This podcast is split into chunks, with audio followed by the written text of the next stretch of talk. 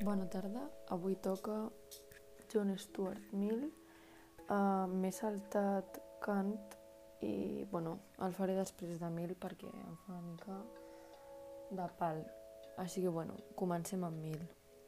John Stuart Mill tenia uns pares molt estrictes i des de petit va rebre una educació uh, desorbitada per l'edat que tenia, ja que tenia unes capacitats molt potents i bueno, van sobreexplotar les seves capacitats. Va néixer a Londres, va estudiar a França i el seu pare intel·lectual va ser Jeremy, Bentham, que és el creador de l'utilitarisme.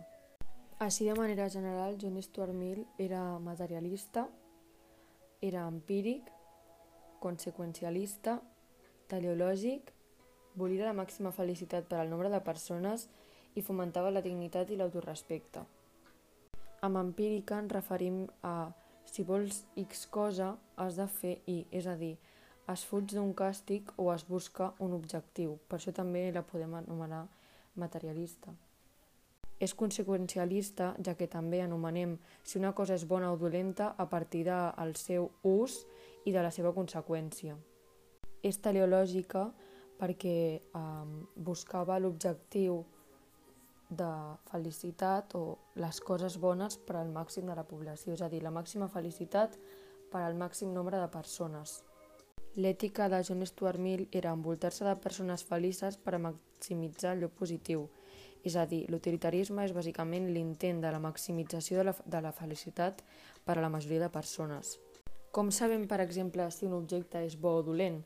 El conseqüencialisme diu que depèn de les seves conseqüències uh, i del seu ús podrem saber si una cosa és bona o dolenta. Per exemple, un ganivet és bo o dolent? Dependria de la seva utilitat.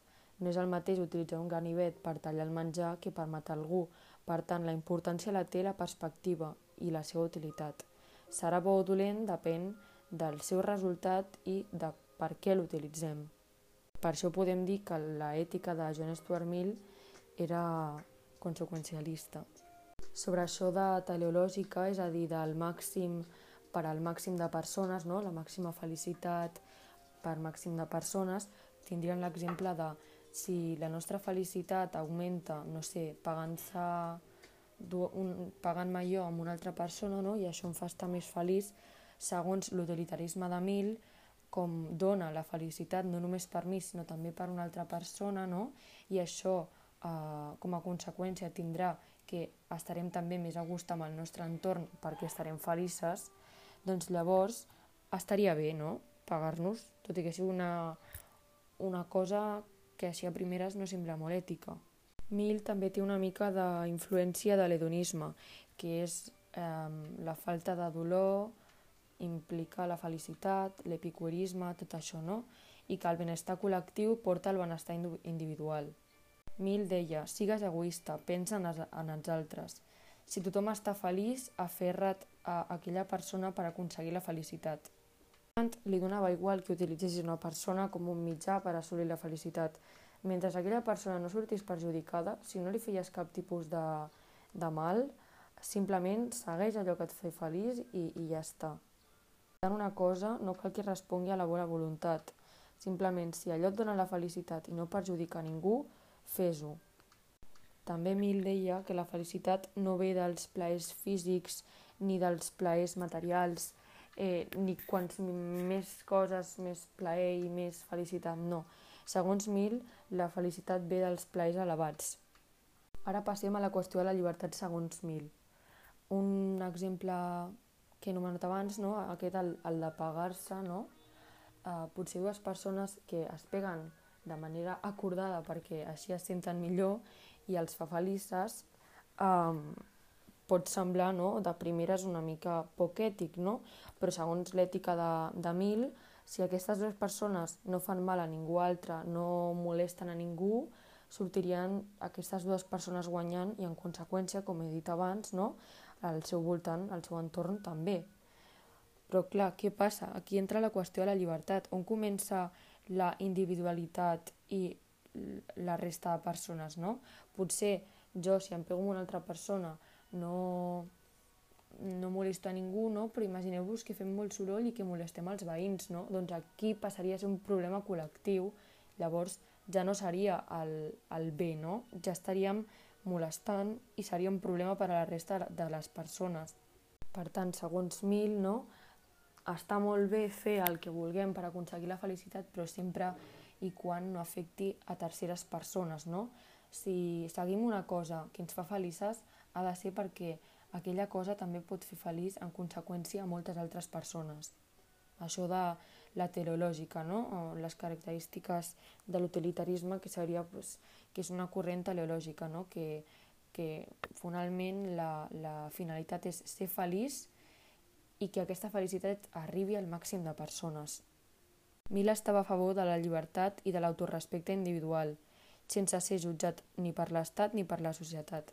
També deia que moltes vegades la societat era molt més repressiva que no l'Estat i la pròpia policia, perquè els individus entre nosaltres, és a dir, la, la població, uns entre els altres, a vegades podem ser eh, massa repressius i massa dolents.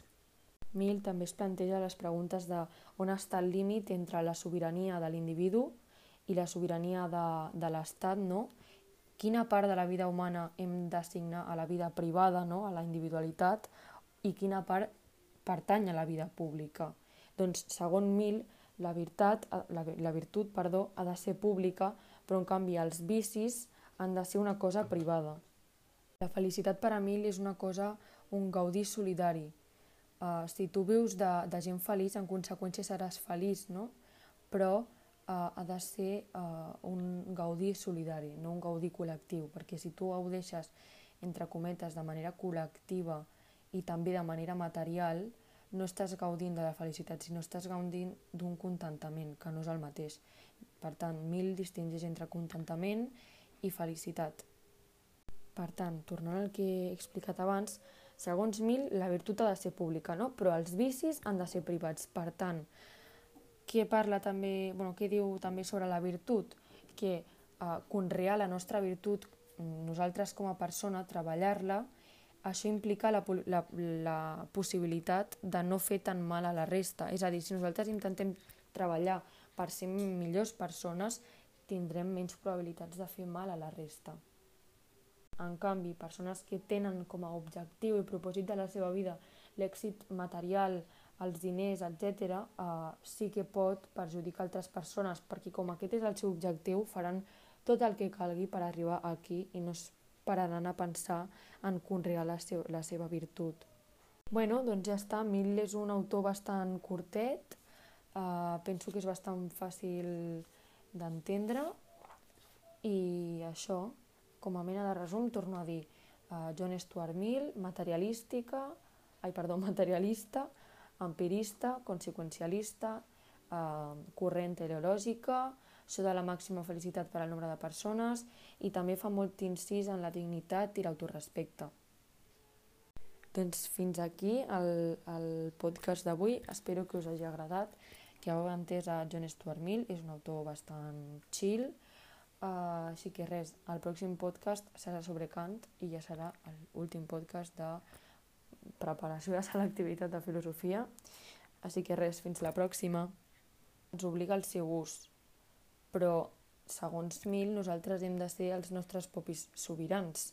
Però si ens deixem també portar per aquesta ètica de Mill, hi hauria persones que uh, estarien en perill, llavors no seria només una deci decisió que ens afectés a nosaltres mateixos, sinó que també afectaria a terceres persones, a tothom a qui ens trobéssim pel carrer, no? llavors com tindria un, un impacte sobre el col·lectiu i no seria un bon impacte, entre cometes, sinó que pot perjudicar les persones, llavors estaríem parlant de uh, una cosa dolenta, entre cometes. Bàsicament, Mil el que, el que diu no? és que si una cosa és bona per tothom, molt bé, però si una cosa és uh, bona per un i perjudicial per la resta, fora.